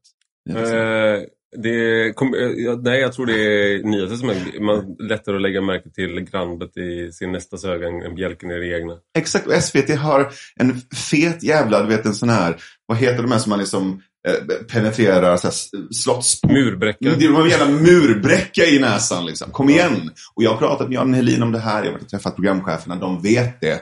De vet om det här. För jag känner att bjälken i det egna ögat här, det är att jag är beredd att ge just till exempel Joe Rogan the benefit of the doubt här. Och där liksom att, men jag, jag ser många sådana här samtal som eh, nödvändiga, men jag bedömer kanske inte att de samtalen är alltid vägledande för mig. Utan jag känner att jag själv kan bedöma eh, om det här låter koko eller inte. och sådär. Men även om du är en MMA-kommentator och stand-up-komiker i grunden så kan det ju vara så att du får en annan roll. Och där du får då en större publik. Det här är Sam Harris argument då och det gäller väl även sådana som dig och mig. Mm. Eller nu får vi se vad du ska göra. Jag ska fråga dig också vad du ska göra härnäst. Men äh, det gäller ju sådana, liksom när man leder samtal. Att om mm. du har en stor publik då förändrar det också vem du Eh, eh, kan kosta på dig att vara Absolut. kanske. Absolut. Eh, och det då, finns ett ansvar. Det, det, är det jag tänker. För det, var, det, här var en kritik vi fick mm. av en eh, annan skribent, både du och jag och Aron Flam. Ehm, att, Så det vi, finns att vi var ansvar. ansvarslösa. Ja, fast det är inte sant. Frågan är vad ansvaret ligger i. Mm. Det är den stora frågan. Frågan är inte huruvida vi är ansvarslösa eller ansvarsfulla. Frågan är vad är det för ansvar eh, vi ska ta. Mm. Och jag tar inte ansvar som andra kastar på mig. Det är inte det som är ansvar. Det ligger i själva ordet. Att svara an. Jag väljer vad jag vill ta ansvar för. Det andra säger åt mig att ta ansvar för är inte ansvar. Det där är någonting annat. Det är projiceringar. Det är en massa eh, liksom, åsikter andra har om vad jag borde göra. Mm. Det är bullshit. Jag väljer vad jag vill ta för ansvar och det finns ett ansvar att ta. Det finns någonting att svara an till en av de sakerna är, precis som du säger, när du börjar i liten skala och plötsligt har du en stor plattform som påverkar väldigt många människor, så finns det en möjlighet till ansvar. Okej, okay. här har jag en stor plattform, jag når väldigt många människor, det finns en en möjlighet till ansvar här. Jag heter Joe Rogan, jag har bjudit in Robert Malone. Det här är ett känsligt ämne. Inte bara politiskt känsligt. Det är alltså en fråga om liv och död. Det här kan handla om att människor gör fel saker, dricker, eh, vad fan var det Trump höll på med ett tag? Ivermectin. nej, inte Ivermectin, utan nej. det här, an, vad fan, han drack för klor. Han drack klor. Ja, ja. jävla. Och det där, det där var ju många som gjorde och hamnade på sjukhus. Liksom. Mm. Det är klart att det finns ett ansvar, men frågan är vad ansvaret ligger i för en sån som Joe Rogan, när han blir så här stor. Jag tror att en av de viktigaste sakerna för Joe Rogan, eh, för hur kan vi, kanske för dig, det vet jag inte, det är upp till dig. Det är en transparent och övertydlig innehållsdeklaration. Mm. Så här, vad är det jag gör? Vad är det jag inte gör? Vad kan du förvänta dig av mig? Vad kan du inte förvänta dig av mig? Inte som en brasklapp, men för att vara tydlig med vad du är och vad du inte är. Mm. Och trots att vi har gjort det i fem år, trots att vi har skrivit ett jävla manifest på hemsidan och haft intron där vi har förklarat gång på gång, det är det här vi gör, det här gör vi inte, det här är samtal, inte debatt. Det här är inte, vi, vi utger oss inte för att vara journalister. Trots det så behöver vi möta kritik om att vi gör dålig journalistik. När vi i mm. fem år har sagt, det är inte det vi gör, det här är någonting annat. Mm. Trots det är det svårt att undkomma den typen av kritik. För att de, de jämför det du gör med det de känner till. Jag fick den kritiken när jag intervjuade Chang Frick nyligen. Och jag lät honom tala till punkt om eh, det här med att han har betalat demonstrationstillståndet för uh, Rasmus Paludan. Yeah. Um, och sådär, hans invol invol involvering i det och um, sådär. Och då fick jag kritik för att jag var, lät honom ta till punkt, jag avbröt inte och sådär. Och mitt svar på det var väl, är väl egentligen att om någonting han säger där i den podden när jag ställer de här frågorna där han ändå lägger ut texten. Om någonting inte stämmer, det här säger jag till Chang i podden också. Om någonting inte stämmer, då finns det här tydligt för någon att jämföra med en annan utsaga. Mm. Då har du en timmes intervju med Chang där han mm. lägger ut texten om Exakt. sin bild av det. Exakt. Jag gör inte granskningen där, eh, vilket här är också då väldigt många journalistiska intervjuer som inte är granskande utan du frågar dem om olika saker. Sen i efterhand kan du se om du har gjort flera intervjuer att de är motsägelsefulla till exempel. Och då kan du i efterhand komma, men, men du måste ha ett råm. Det är väl det du sa egentligen med repetitionerna eh, med Joe Rogan. Och det, jag ser också att den, min podd är lite mer av det. Eh, jag skulle vilja, vilja gå vidare. Av, av, avsluta den här metaforen bara. Mm. Jag, jag, jag förespråkar ju inte att du ska äta hamburgare eller morötter. Jag bjuder snarare in till att du ska äta en, en, en fullskalig kost. Att tänka på ditt intag av media, information och kunskap som en tallriksmodell. Mm. Gör en tallriksmodell av ditt intag av information. Ät inte bara kött, ät inte bara morötter. Just nu så äter jag bara kött. Jag, jag går på den här lejondieten och, den jag, och jag avskyr det. Det är så äckligt. Eh, Informativ carnivore diet.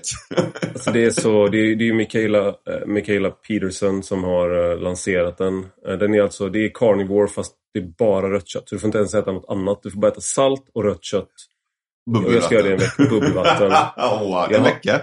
En vecka och jag är inne på tredje dagen och min hjärna funkar inte. Så om, om, om jag låter dum i huvudet så är det inte bara för att jag är det utan det är också för att jag är extra dum i huvudet på grund av den här dieten. Jag tänkte bara... Point made! Point made! Ja. Ät grönsaker också! Ät grönsaker också. De här morötterna är viktiga. Men den här tallriksmodellen, det, det är ju det som är grejen då att eh, för vänstern, många av dem, så är det så här att det är en, vissa av de här sakerna som du inkluderar på din tallrik de är så cancerogena att du garanterat kommer få cancer. Så att du, det spelar ingen roll om du äter dina grönsaker. För äter du den där baconskivan då kommer du få cancer i hjärnan och, och cancer liksom i, köns, könsdelarna. Liksom sådär. Så därför så är det så att om du, om du då intervjuar till exempel Ingrid Carlqvist då spelar det ingen roll om du intervjuar Johannes Klenell, Jens Liljestrand, Cissi Wallin eh, liksom, eller vilka som helst. För du, du har, då har du liksom du har du bajsat i ditt eget dricksvatten. Mm. Alltså det är, det, det är så de ser på det. Medan mm. du ser som att okej, okay, men här har vi någon som är väldigt kontroversiell, liksom, som har eh, upp, liksom uppfattningar eh, som man pratar om, men det är väldigt sällan någon som pratar med henne. Okej, okay, men då lyssnar vi på vad hon säger. Hur, liksom, hur galet låter det här för gemene man, eller för mina lyssnare? Förhoppningsvis så har du liksom inte så här skapat en ny nazistisk rörelse med den här podden. Förmodligen inte. Utan snarare är det så att då fick människor höra vad är det hon säger och hur låter hon? Och det ger kanske också en del tankar om hur man kan bemöta den typen av eh, personer om man tycker att de har fel. Liksom. Men också, om du tror att det är så nazistiska rörelser startar så är det ännu ett bevis på att du behöver äta en bättre tallriksmodell.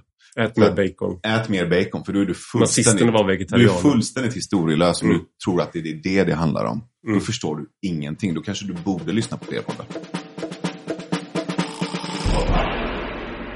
Vi pratade om eh, könskriget då i den här panelen i lördags. Mm. Och eh, För övrigt, vanligtvis så brukar man klippa bort sånt här när gästen tappar bort sig. Gör inte det. Alltså, det är ju det här jag älskar med de oredigerade långformaten. För det är så här det låter när vi pratar om du och jag inte... mot, jag, i och för sig är jag hemma hos dig just nu men du bryter mot gästfrihetsreglerna när du säger till mig hur jag ska sköta mitt hus. Sköt, sköt din egen jävla podd.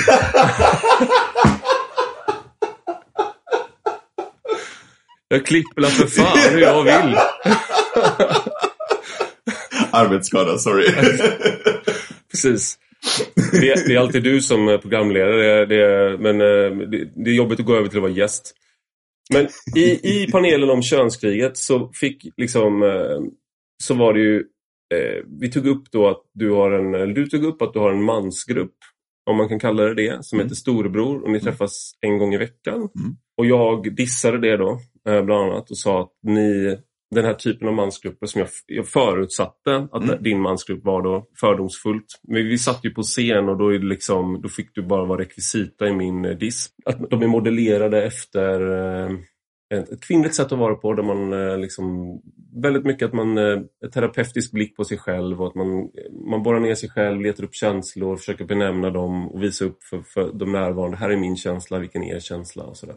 Och jag tänkte nu har jag upprepat min diss, men tänkte, kan inte du berätta om den här mansgruppen och eh, sen kan vi se om vi kommer någon vart då med liksom, hur vi ser på de här sakerna. Storebror startades av mig och Mårten Granlund, en kompis till mig som har jobbat med liknande frågor tidigare. Och jag har ju också varit inne i det som väldigt slarvigt kallas för mansrörelsen. Vilket i sig är ungefär som att säga feminismen. Mm. Det är inte en monolit. Det är en samling av olika grupper. Vissa av dem är i typ krig med varandra. Och de är väldigt, väldigt olika, de här olika bubblorna och sfärerna. Jag kom in i en, en del av den här rörelsen för kanske tio år sedan. Och åkte på en, eh, en sån här helg. Som arrangeras av en organisation som heter Mankind Project. Och Mankind Project är mer åt Vad säger en gång till, vad hette det? The Mankind Project. Ah, Det är mer åt det här, du vet. jag hörde. Man Cave Project. Det lät inte alls lika, Det är det inte alls lika Det är konstigt ett annat projekt, det finns också. Okej. Det är ett helt annat gäng. det är mycket uppblåsbara sexdockor. Just det. Men nej, The Mankind Project är mer åt, jag vet att du känner till det här, men för de som lyssnar, man kan googla detta. Det är mer åt vet, Robert Bly, Carl Jung, det är mer arketypiskt, eh, rituellt arbete. Mm. Och det Mankind Project gör är ju egentligen motsatsen till att bara sitta i ring och älta dina känslor. Det är väldigt fysiskt, det är väldigt hårt, det är ganska rått. Det är mer åt, det är mer åt så här, lumpenhållet än det är åt sitta i ring och hålla i händerna. Det finns en dokumentär som heter The Work som, som handlar om ett gäng som gör en liknande, ett liknande initiativ inne på, på fängelser med, med liksom eh, grovt dömda kriminella, alltså folk som har, sitter inne för mord och, och, och eh, rån och våldtäkt och sådär. Och så går de in en helg där och jobbar med de här männen i den här typen av eh, arbete. Fantastiskt, fantastiskt stark dokumentär. Men om du tittar på den så inser du efter fem minuter att det är så långt ifrån gulligt, härligt, mjukt. Det är, det är otroligt rått, kraftfullt och, och utmanande som fan. Alltså det är ganska pushigt. Det är liksom rå, hård energi. Men det finns också en, det finns en visdomstradition i det och det finns också en aspekt av att det finns äldre, men lite klokare, mer erfarna män som kallas för elders. Som, som, men som, som grundar hela den här, du vet, tuppiga energin. Mm. Eh, Det är en del av den här mansrörelsen. Sen finns det ju de här lite mer moderna grupperna. Tänk de här velourpappa-retreatsen, de här velourpappa-grupperna som fanns på 60-70-talet. Och sen skulle jag säga den moderna varianten av det, som också har gift sig med den spirituella, du vet, eh, den här um, neo, new age-vågen som jag tycker är ah, hemsk. Mm. För den, den, är, den är egentligen någonting helt annat än vad den utger sig för att vara. Eh, Den är varken fredfull, blissig, kärleksfull eller mysig. Den är fullständigt Vad ingår i den skulle du säga? Att, eh, att sitta och vara härlig och låtsas att Mm. allt är bra. Harmoni. det, här, tre, det här var det, den Illusionen här, om för de som har harmoni. sett den här dokumen, dokumentärserien Tre pappor. Tre pappor. Jag, jag, de jag var- mådde så fysiskt dåligt när jag såg den Ivar. Alltså jag Jag stod trodde- upp och skrek och kastade saker. Ja. För att det var ungefär som när jag ser, du vet, på nyheterna att det är en snubbe som ser ut som mig som har genomfört ett terrordåd. Jag bara nej! Fan också, nu kommer alla tro att det, att det jag håller på med handlar om det här. Exakt, du är samtalsextremist, inte muslimsk extremist. Exakt, och, och när jag såg den här Tre pappor så visste jag att en av reaktionerna kommer vara att folk tror att det är det där vi håller på med. Folk Mm. tror att allt som är liksom mansarbete eller mansrörelse är den där typen av passivt, aggressiv, nedtryckande, femininiserad, liksom manshatande new age-dynga. Mm. Och jag tycker synd, jag, jag vet vilka de där snubbarna är. Mm. Jag tycker synd om dem. Jag ser deras blickar hur fruktansvärt dåligt de mår och hur mycket de ljuger för sig själva. Mm. Det är hemskt. Jag har varit i de sammanhangen. Det är inte alls det. Det, det där skrämmer mig. Och en, en del av mansrörelsen, i synnerhet i Sverige, som jag vänder mig emot, det är just den här som både explicit och implicit pratar om det maskulina som någonting dåligt. Så vi ska bli mer kvinnliga, vi ska femininiseras. Det är inte alls det vi ska göra. Vi ska väl vara också, för jag, jag satt i en panel eh, på Kulturhuset nyligen och då var det ju jag och sen så var det feminister eh, och anledningen till att jag säger så var för att man, de, man fick en fråga, jag tog upp det här i en annan podd också, men man fick en fråga så här, man hade röda och, och gröna skyltar så kunde man hålla upp på ja och nej frågor så här. Mm. Och det var en av frågorna var, och det här var mot slutet då, andra sessionen eller andra sittningen. Då var det så här, ja, är ni feminister? Eller definierar du dig som feminist? Och alla, samtliga, 100%, eller inte 100% då, men alla andra, alltså hela publiken på kanske 200 pers och alla i panelen var feminister. Och jag var den enda som inte kallade mig feminist i hela lokalen. Vilket ju var lite lustigt, men då var det ju då mansorganisationer där, sådana här fatta Alltså det, de finns väl inte längre, men den typen av, de var där och de ställde frågor också. Och det utgår ju väldigt mycket från en feministisk analys eh, och, av, och en feministisk förståelse av mannen som problematisk på olika sätt. Och eh, det var väl också min kritik då, var att de är inte till för män utan de är till för, de riktar sig egentligen inte till män. Utan det är män som riktar sig till kvinnor på olika sätt. Det tyckte de var förminskande. Och det är en falsk dikotomi att du tror att svaret på tyrannen är mesen. Och det finns någonting för oss män, igen då, att välja att ta ansvar för. Det här är ingenting, jag tror inte på arvsynd. Så jag tror ju inte på idén om att du och jag ska behöva kompensera för att en massa assholes har gjort en massa saker mot kvinnor i årtusenden. Vilket har hänt. Det har hänt vidriga saker. Och det finns en möjlighet att kliva fram som man eh, och välja att ta det ansvar du, du kan ta. Du vet, som, där pratar ju Peterson väldigt mycket om. Att så att hitta en tung uppgift och plocka upp den och välja att ta ansvar för den. Det ser jag som en möjlighet att svara an på någonting som är svårt. Och någonting som är svårt är just den här friktionen, eh, konflikten eller de sår som finns mellan män och kvinnor som grupp. Det finns saker där att läka. Det finns någonting där att läka. Och det tar jag på allvar. Jag, jag, jag, jag ser det ju som en möjlighet att närma sig varandra som grupper, män och kvinnor, och, och komma tillbaka till det här vi, vi alltid har gjort, nämligen att samarbeta och göra någonting bra av det här tillsammans. Mm. Men då behöver vi läka vissa sår. Jag tror att det där är viktigt att adressera och inte trycka undan. Och jag tror att ett sätt att göra det på, det är att kliva ur den här falska dikotomin om att svaret på årtusenden av manligt tyranni, det vi kallar för patriarkat. Om vi ska ta det, den kritiken på allvar, jag tror det finns en aspekt där vi kan göra det, då är inte svaret att bli mesar. Svaret är att bli bättre män. Svaret ligger inte i antingen att vara eh, en jävla som gorilla, en, en jävla douchebag eller bli en tönt. Det ligger inte mellan de här två, det finns en tredje väg. Och det är den tredje vägen jag tror på, nämligen att... Schimpans. Armadillo. Ja, precis. Ja. Och den tredje vägen, den tredje vägen för mig är att växa upp och bli vuxen. Att bli en mogen och trygg man.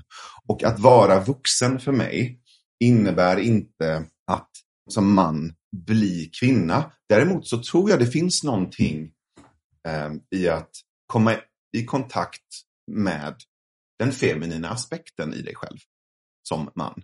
Det betyder inte att du blir kvinna, utan att om du har tillgång både till det maskulina och det feminina i dig, vilket jag tror spelas ut i alla människor, oavsett kön, så blir du mer. Du blir mer av dig själv. Du får tillgång till fler verktyg. Mm. Och det tror jag är värdefullt för alla människor. Men ett problem här då när vi till exempel pratar om det här så är eh, dikotomin mellan gorilla så är den här, det finns när vi växte upp, vi, vi är lika gamla, mm. eller du kanske något år. Jag är 83. Ja, jag är 82, men, mm. men jag hoppade av skolan eh, på gymnasiet. Så jag, jag, jag, gick ut gymnasiet samtidigt som du i alla fall. Mm. Eh, men man kallade ju folk för bög så fort de uh, gjorde någonting som liksom var lite, eller när man ville utmana eller sådär. Mm. Uh, och nu kanske man säger andra ord då, som tönt, mes och sådär. Men det finns hela tiden en sån där... Då säger man man istället. Ja, exakt. Ja, nej, men, men det finns hela tiden en sån här nedvärderad eh, mans eh, typ som alltid finns, som är som ett, ett hot. Då. Och då undrar jag liksom, hur kan man, för jag, jag tror du har rätt i till exempel då att eh, det, det jag tycker till exempel Jordan Peterson skiljer sig från sådana som Andrew Tate eller mm. många andra, det, det, är att han pratar om egentligen också om att du ska odla feminina sidor. Och det, det har ju att göra med att han är så inspirerad av eh, Jung tror jag, men mm. också att han är så inspirerad av kristendomen. Mm. Eh, sen kanske han, tycker jag inte att han lever upp till de här sakerna själv som person, men det han säger, eller har sagt tidigare i alla fall, handlar mycket om de där sakerna. Mm. Att du, du kan inte vara stark, eh, liksom, styrka är inte att liksom vara någon som alltid, att vara en tyrann, utan Nej. det är att kontrollera vissa aspekter av dig själv med att du har en potens, potentialitet. Men hur kan du då hur kan du, eh, jag kan se ett problem här med att den typen av människor som har mer av de här feminina sidorna till exempel, eller är bra på det, att man då uppfattar dem som just, när man pratar på det här sättet som du gör nu, mm. och som jag, jag gör det här i mitt privata liv och det är mm. något jag försöker hantera. Jag har gjort sen jag var tonåring egentligen mm. för att man rör sig bort från den här macho-stilen liksom. Men eh, det blir ju lätt att man då kallar dem för indirekt för mesar. Om du är en person som har närmare till gråt eller liksom är inte som är undfallande i konfliktsituationer till exempel. På ett sätt som man kanske inte skulle göra med en, eh, med en tjej. Är det liksom att man, för då, hur ska man då låta människor bli, ha tillgång till sina mjuka sidor om du samtidigt pratar så mycket om styrka? Svara! ja, men det, är en, det är en superbra fråga. Och jag tror att Peterson är på det av och till. Jag tror att vi behöver förstå vad vi menar när vi säger styrka också. Vi behöver förstå vad det är för olika egenskaper och när de används. Så om du föreställer dig att du har en verktygslåda. Du har i den här verktygslådan olika fack. Du vet sådana här fack som man kan veckla ut i en verktygslåda. Och en av de här facken är det maskulina, ett av de här facken är det feminina.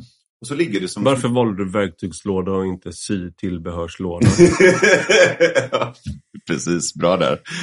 Bra där. För, att, för att jag är man. Det. det. är det jag representerar patriarkatet där. Just det. Fick mig. Så, tack för idag. Ja, tack för idag. att de olika facken, ju, ju, fler fack du har, desto större rymd då i din verktygslåda, i dig själv som människa. Men sen finns det också någonting till omdöme vilket verktyg du väljer beroende på vilket situation, vilket problem du har att lösa. Där kommer visdomen in. Medvetenheten, omdömet, kalla det vad du vill. Tänk, är det där en spik eller en skruv? Så att gå in med, om, om säg att eh, en, en feminin egenskap representeras av en skruvmejsel här och en maskulin egenskap med en hammare.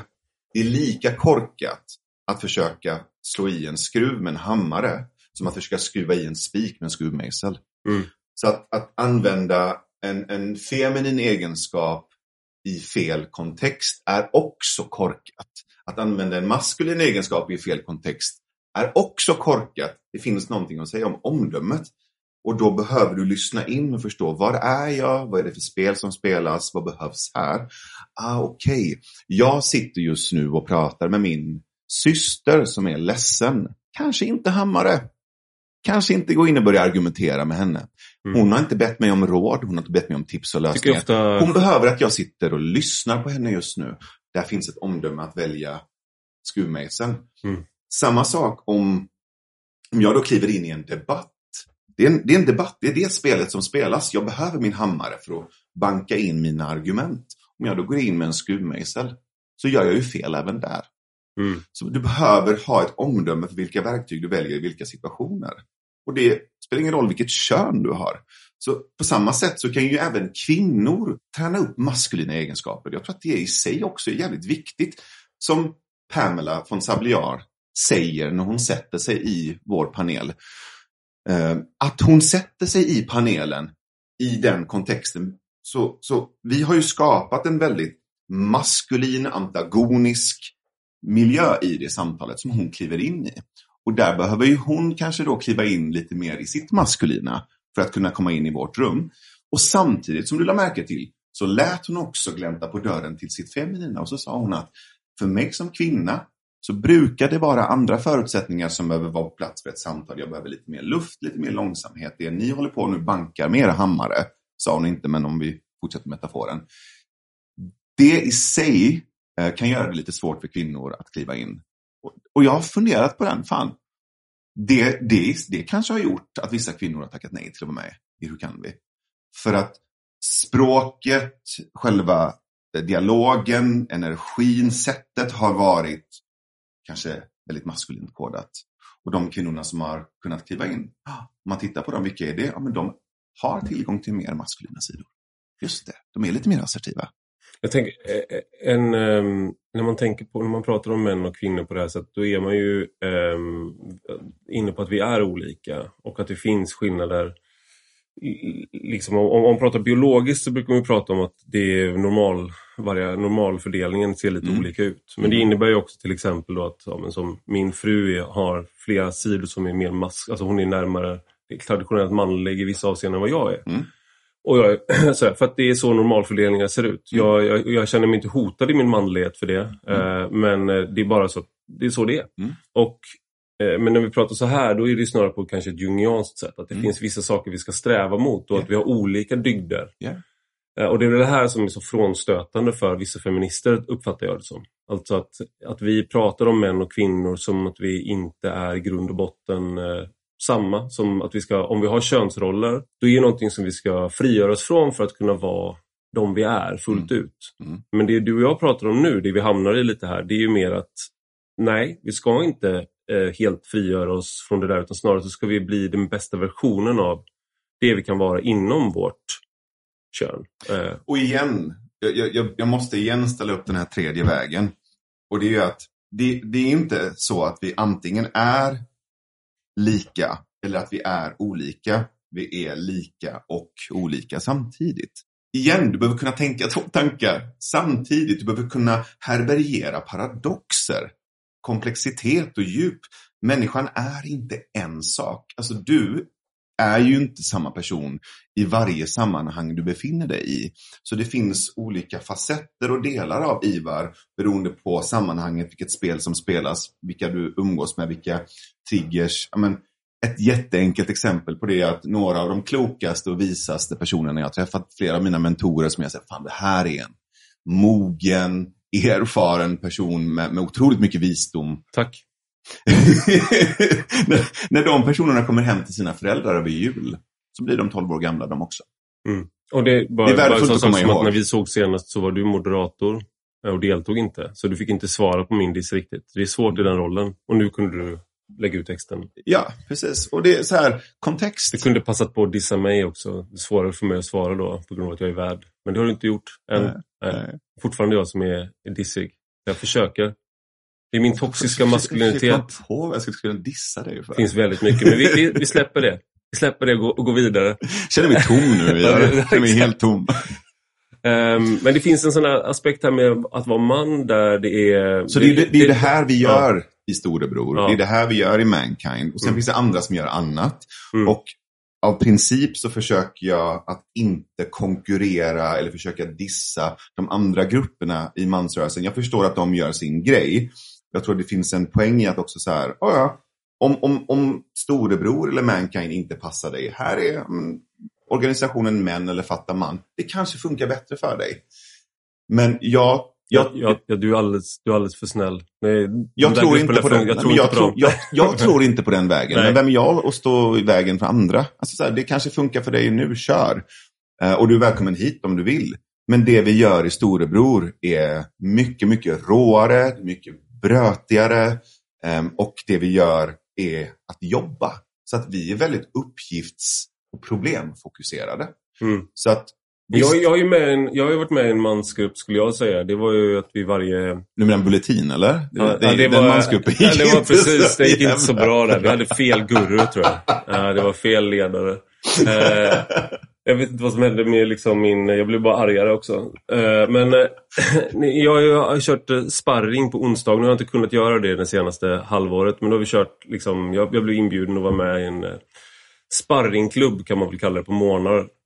Och då, då sparras man ju, liksom, man kör kampsport ihop och det är så här uppsluppet och sådär men man slår varandra i ansiktet. Det var liksom, ja, på grund av att jag hade så dålig kondition så råkade jag bryta näsbenet på, på en av dem jag sparrades med. Men det var ju inte för att jag var duktig och han var dålig. Var det Jens Liljestrand? Nej. Nej, det var Mustafa Panshiri. Men jag ska sluta nämna det för att det låter så elakt. Det var, inte, jag, det var inte för att jag var bra utan det var för att jag var trött. Det var för att han var dålig. Han var dålig. Han var dålig och jag var dålig. Eh, vi, men vi var dåliga på olika sätt. Han gick framåt vid fel tillfälle och jag var så trött så jag hann inte backa bak. Men i alla fall, det var, liksom ingen, det var inte min avsikt. Men, men det man kan säga, det, det är helt okej okay om, det har väl nog varit kvinnor som har varit med och, och sådär. Men, men, men det blir ju som en sån viss stämning när det är liksom så sex män eller någonting mm. som, eh, som gör det där mm. med varandra. Sen pratar man ju inte strukturerat om någonting. Mm. Men det är ju ett sätt att leva ut saker kanske. Och jag, det här kan kvinnor göra också. Mm. Det är inte det. Jag, jag, Absolut. alltså jag har känt kvinn, många kvinnor och tjejer som är många gånger bättre än mig på, på kampsport och gått Absolut. matcher och sånt där. Eh, så det är inte det. Men, men jag tror att eh, just den här... Det finns ju någonting som ofta lockar män eh, med de här mer fysiska sakerna. Det kan, mm. Och det behöver inte gå så långt som att man bildar en sån här männerbond i liksom som vissa av de här mer höger extrema varianterna gör. Där man, ska liksom, man lever ihop ett antal män. Man är inte homosexuella men du har uteslutande sex med män. vet jag En av dem har som princip Jack Donovan. Eh, eh, och så Start the World heter väl hans, eh, hans projekt typ, eller vad det nu är på, på Instagram. Han, han har en sån männerbond liksom. Och de är män som gör saker tillsammans mm. och de har sex med varandra men de är också otroligt macho. För de, och de vill inte kalla sig gay för det är för feminint. Liksom. Sådär. Och det där blir ju, för mig blir det där som att du, du tar just Eh, för mycket av den maskulina energin. Men jag tror att många män har ett behov av, eh, i alla fall i en viss ålder, av den här typen. Bara som sak som att man eh, överallt i världen så skojbråkar killar med varandra. Sen någon gång så slutar man, någon gång kanske 20, jag, jag slutade ganska sent tyvärr får jag säga. Men, men liksom att man, när man är på fester med folk så blir det ofta brottning yeah. under en viss yeah. ålder.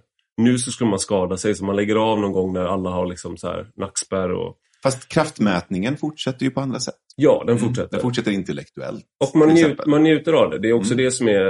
Eh, jag har alltid tyckt att det är kul med att tävla mot andra och att, de, att man retas med varandra samtidigt. Jag tror man, vill, man vill att det ska gå bra mm. för den andra samtidigt som du vill... Eh, alltså du vill vinna mot, mot din vän mm. men du vill också liksom att det ska gå bra för din vän. Så du, du hjälper varandra. Exakt.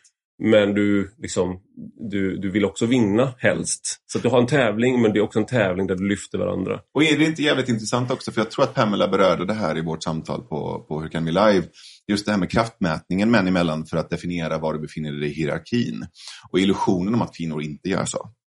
Mm. Alltså, om du kan någonting om kvinnor och kvinnor i grupp så vet du att varenda jävla ord handlar om att definiera hierarkin. Det är så många spel som pågår, fast det är ett annat typ av spel och det pågår på ett annat sätt.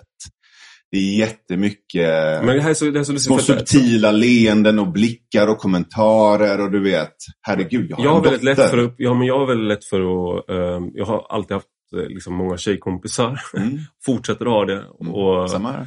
Och, eh, så jag, jag tycker jag har ganska lätt att uppfatta de här sakerna. Mm. Medan min fru är, eh, jag skulle inte säga att hon inte uppfattar det. Det är bara det att hon är helt, liksom, hon bryr sig inte om så mycket om sånt här. Så Jag känner många sådana, eh, känt många sådana tjejer som är, de, de är mer som eh, kanske att de går på saker som kanske killar kollar, Mm. kollar på. Mm. Men de, om, om tjejer håller på med sådana spel så har de liksom inte bara, "Ja, det där det tänkte jag inte ens på. Så här. Och det, jag tror inte att det är lögn utan det handlar också om individuella skillnader och sådär. Absolut. Men jag tänkte då, måste vi hålla på och könsuppdela då? För det här var en sån sak när jag pratade för tusen år sedan med Dil Dilcha eh, Demirbag Sten om eh, just det här med dygder och sånt där. Mm. Och de, hennes fråga var alltid, dygd för vem?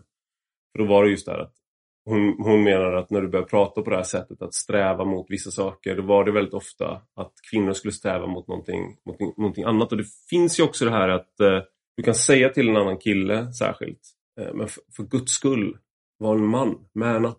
Mm. Liksom. Men du säger inte det till kvinnor. Mm. Har, det finns ingen motsvarande, inget motsvarande uttryck eh, för kvinnor. Eh, där det liksom är som att du, du ska bli något mer, du ska bli något större och nu är du inte det, så skärp dig, kom igen nu. Liksom, så här. Mm. Hoppa på tian. Det i sig är extremt missynt. Mm. Att inte förvänta sig det av kvinnor, att de ska vara mogna, vuxna kvinnor. Det är otroligt antifeministiskt. Det där är motsatsen till jämställdhet. Men du kan också se det som att min, min fru till exempel, då, nu fan, jag ska sluta prata om min fru, hej älskling. eh, men eh, där är det ju, hon har fått fyra barn och det blir en, för henne har ju där varit en, en resa på ett sätt, på ett annat sätt än vad det har varit för mig. Att bli mamma och allt det där. Det är inte det enda såklart, men det finns i, det här är också en otroligt eh, pagliansk, från Camille Paglia, liksom, spaning eller sådär att eh, kvinnor är, blir vuxna i sin natur. En man måste på något sätt, det är lite som det här med när kristna som är, säger att du måste döpa dig, baptisterna börjar med det, eller du måste döpa dig igen. Det räcker inte med att du är van kristen, det räcker inte, du måste liksom visa att du, Mm. du tror. Så är det lite, män måste gå igenom riter, vi måste gå igenom en, liksom en, eh, en utmaning, vi måste, alla våra kompisar måste slå oss varsitt knytnävslag eller någonting. Du, du måste kämpa till dig din, din mandom på ett sätt som en i nästan alla kulturer så är det snarare så att du blir kvinna vare sig du vill eller inte. Mm. Och det finns, sen finns det vissa ansvars, ett visst ansvar som följer med det. Men för en man måste du hitta ditt kall, du måste hitta ditt ansvar, du måste Mm. hitta din plats. Mm. Det, alltså, du har både rätt och fel i det. Alltså, Jag har bara rätt, jag bara rätt. i, i, I aspekten av att män behöver uppfinna eh, mening och kvinnor har en, en lättare koppling till mening utifrån eh, barnafödandet så finns det den aspekten, absolut. Men om du tittar på de senaste eh, tusen åren av civilisation så kan vi ju se att det är någonting vi har tappat kontakten med. Eh, och det, det är liksom, igen, det är inte bara en sak, det finns några olika lager av det här. I, har du läst Rites of Passage av Arnold van Gennep? Nej. En österrikisk antropolog som gav ut, den gavs ut 1909 och, och alla hans samtida Hur kunde jag missa den? den är fantastisk. Mm. Du, du, du kommer verkligen gilla den och det finns jättemycket av det vi pratar om i den. Den handlar om initiationsriter. Och det han gör är att han definierar att i en människas liv och i alla våra kulturer och civilisationer så har det funnits fem tydliga eh, övergångar och de har vi behövt ritualisera. Inte bara för individen utan för stammen. Och det är, det är födseln, det är från barn till eh, vuxen, det är från vuxen till förälder, det är förälder till äldre och det är från äldre till ancestor. Mm. Och då har du eh, eh, de här ritualerna då, det är ju själva eh, förlossningen eller födseln av barnet. Det är när du ska gå från barn till vuxen, någon form av typ, du vet, mandomsprov eller kvinnodomsprov som har funnits. Och sen så är det bröllopet. Och sen så är det en ritual som Klimakteriet. Klimakteriet är ju den biologiska ja. övergången, men grejen är att men, men det är en viktig poäng. Mm. De går inte utifrån det biologiska i de här, de går utifrån det sociala. Mm. Så att när du går från barn till vuxen så är det inte puberteten. Det är den sociala puberteten, som Mm. man kallar det. Den här från vuxen till eh, äldre, det sammanfaller ofta med när ditt barn får sitt eget barn. Då Mm. är du inte längre pappan. Då måste du få hjälp att, trans, alltså att gå över till någonting annat och då blir du äldre. Och funktionen som elder i stammen är att du kliver ur hela befruktningsspelet. Du kan fortfarande vara en sexuell varelse, men du är inte längre med i spelet om att föda nya medlemmar för stammen, vilket också ger dig möjlighet att säga vissa saker, att stå i sanning som matriark eller patriark. Bard brukar prata mycket om det här att det är matriarken i stammen som kan örfila de unga pojkarna som håller på att bete sig som idioter. Mm. Och den äldre patriarken kan då bli mentor åt de unga flickorna. Att de är ofarliga. Mm. Och sen när du dör då, begravningen, så går du från eh, elder till ancestor och syftet med det är då att din kropp försvinner men vi ska bevara din visdom och din kunskap, vi ska sjunga dina sånger, Mm. vi ska minnas dig. Och de här har alltid varit extremt ritualiserade. Och övergångarna har alltid sett ut på samma sätt. Det har varit tre akter. Första akten är separation från den gamla gruppen. Mittenakten är transformation. Och sista akten är integration in i den nya gruppen. Så om vi skulle ta ett jättekonkret exempel då. Om du ska gå från pojke till att bli man. Det är inte självklart och det är ingenting du klarar av att göra själv. Det som händer där i den sociala puberteten det är att du ska gå från att vara pojke till att bli man. Och det första du behöver göra där som pojke, det har med mamman att göra. Mamman är den första delen av separationen från barndomen. Hon och pojken då i stammen, de, de behöver börja med att hon i en slags rituell middag eller liksom en, en ceremoni säger till sin son din tillgång till tröst och trygghet och tutte är nu avskuren. Jag finns inte längre här för dig som den som fixar och räddar och tröstar dig. För nu är det du som ska kliva in och bli vuxen. Du ska skydda oss. Så jag lämnar över dig till din pappa och till dina bröder och farbröder. Och då lämnas han över till den här gruppen med män som faciliterar det här mandomsprovet som ofta innebär någon form av smärta, risk, fara som han inte ska bli skyddad ifrån, som han ska klara av. Symboliskt så ska han dö. Och sen får han komma tillbaka till byn som man och de andra männen i gruppen bjuder in honom. Då är han inne i integrationsfasen. När han är inne i gruppen män, då räknas han som man med de plikter och det ansvar som det innebär. Då ska han skydda sin mamma, inte hämta tröst hos henne. Och när han har integrerats i gruppen män, då kommer resten av byn och då är det celebration. Mm. Så såg varje ritual ut. Och i vissa kulturer så gör man fortfarande det här. Vi gör inte det längre. Möjligtvis att lumpen och värnplikten kanske hade aspekter av det här. Konfirmationen kanske har vissa ingredienser av det här. Bar mitzva, bat mitzva, du vet, pension, allt det här. Det är små ekon, Svensexan. svensexa. Det är små Ja. ekon av liksom toppen av resultatet men hela processen är borta och vi gör det. Vi gör det inte med samma visdomskapital och förståelse. Men om man läser Rites of Passage så förstår man hur viktigt det här har varit för oss i tusentals år och plötsligt så bara så är det borta. Så undrar vi, hur kommer det sig att det springer runt en massa tonåringar Mm. och tror att de är 20 bast när de är 40 med liksom, eh, ideal som handlar om att ha störst läppar och tuttar Eh, eller dyrast båtar och klockor. Det där är samma ledtrådar som vi kan följa och förstå att vi har inte kunnat komma förbi den här tonårsfasen. Vi, många är fast där. Och jag tror att det är det arbetet, alltså det är ett mognadsarbete vi står inför. På något sätt återuppfinna, hitta varianter av de här ritualerna i vår tid. Man kan skippa vissa av de här mutilationsaspekterna, du ska kapa ett finger eller en öronsnibb. För det var ju för att markera att du numera är med i den nya gruppen. Ja, men fan, du kanske kan göra en tatuering. Du Mm. kanske kan få en amulett eller någonting. Man kan göra det mindre eh, våldsamt, men aspekten av risk behöver finnas där. Du behöver symboliskt då Det kan vara smutsig nål i alla fall. Precis, det kan vara en smutsig nål hos någon hipster-tatuerare på Möllan. Liksom. Det är farligt i sig. Mm. Eh, Men att faran och risken behöver finnas där. Det behöver kännas riktigt jävla obehagligt och Mm. läskigt. Och du behöver kunna komma ut på andra sidan och veta jag klarar av sånt här. Men det som, det som är det centrala är inte individen. Det centrala är gruppens stabilitet. Det centrala är att vi vet vilka som är pojkar, vilka som är män. Att vi vet vilka som är elders och vilka som är vuxna. Vi behöver veta vilka de här olika grupperna är, för de fyller en funktion i stammen. Mm. Och det har vi tappat. Jag, mitt fokus ligger där, 100 procent. I att så här, hur kan jag bidra till mänsklig liksom, mognad eller utveckling? Alltså till att börja med. Hur fan kan jag själv vara en sån person? Vara vuxen. That's it. Det, jag, det jag är har som, ju väldigt, liksom, eh, men när jag har blivit eh, pappa så har jag inte tid för mina liksom, manliga vänner på samma sätt. Vi kan inte göra sådana saker som vi gjorde innan, typ vandringar och sånt där. På det sättet. Jag har fått för många för, för snabbt. Sådär. Och då finns det ju såklart en, eh, blir ett akademiskt intresse de här sakerna nästan för att man har eh, det är ju personligt i mitt liv så inser man att okay, det fanns och, och, i tidigare samhällen så kanske du kunde ha det kvar det för du levde inte lika utspritt liksom. Eh, mm. Men eh, nu, nu har jag liksom, de bor någon annanstans. Mm. Jag, jag, har inte möjlighet att vara med min... Eh, jag har inte möjlighet att ta med min lilla mansgrupp ner i min man cave eller något sånt där. Eller göra någonting annat för den delen. Eh, men, eh, så att det kan finnas en saknad där i, i, från hur våra familjestrukturer ser ut idag, mm. är min poäng här. Liksom mm.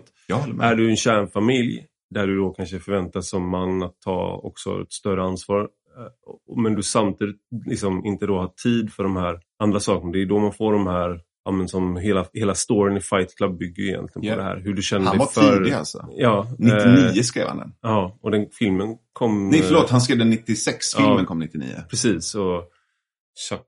Polaniak. Ja, vad, vad sa du? Polaniak. Polaniak, okej okay, jag kan inte uttala hans efternamn. Vet du varför han heter Polaniak? Nej. Hans farmor hette Paula och hans farfar hette Nick. Och han låg under en säng och såg farfar skjuta farmor i ansiktet med en hagelbössa och den händelsen definierade honom så mycket som person så han hittade på det efternamnet. Sen får du, Fight Club, sen får du Fight Club-författaren. Ja, precis. Ja. Ja, det är ja. on-brand. Där huvudpersonen skjuter sig själv i ansiktet.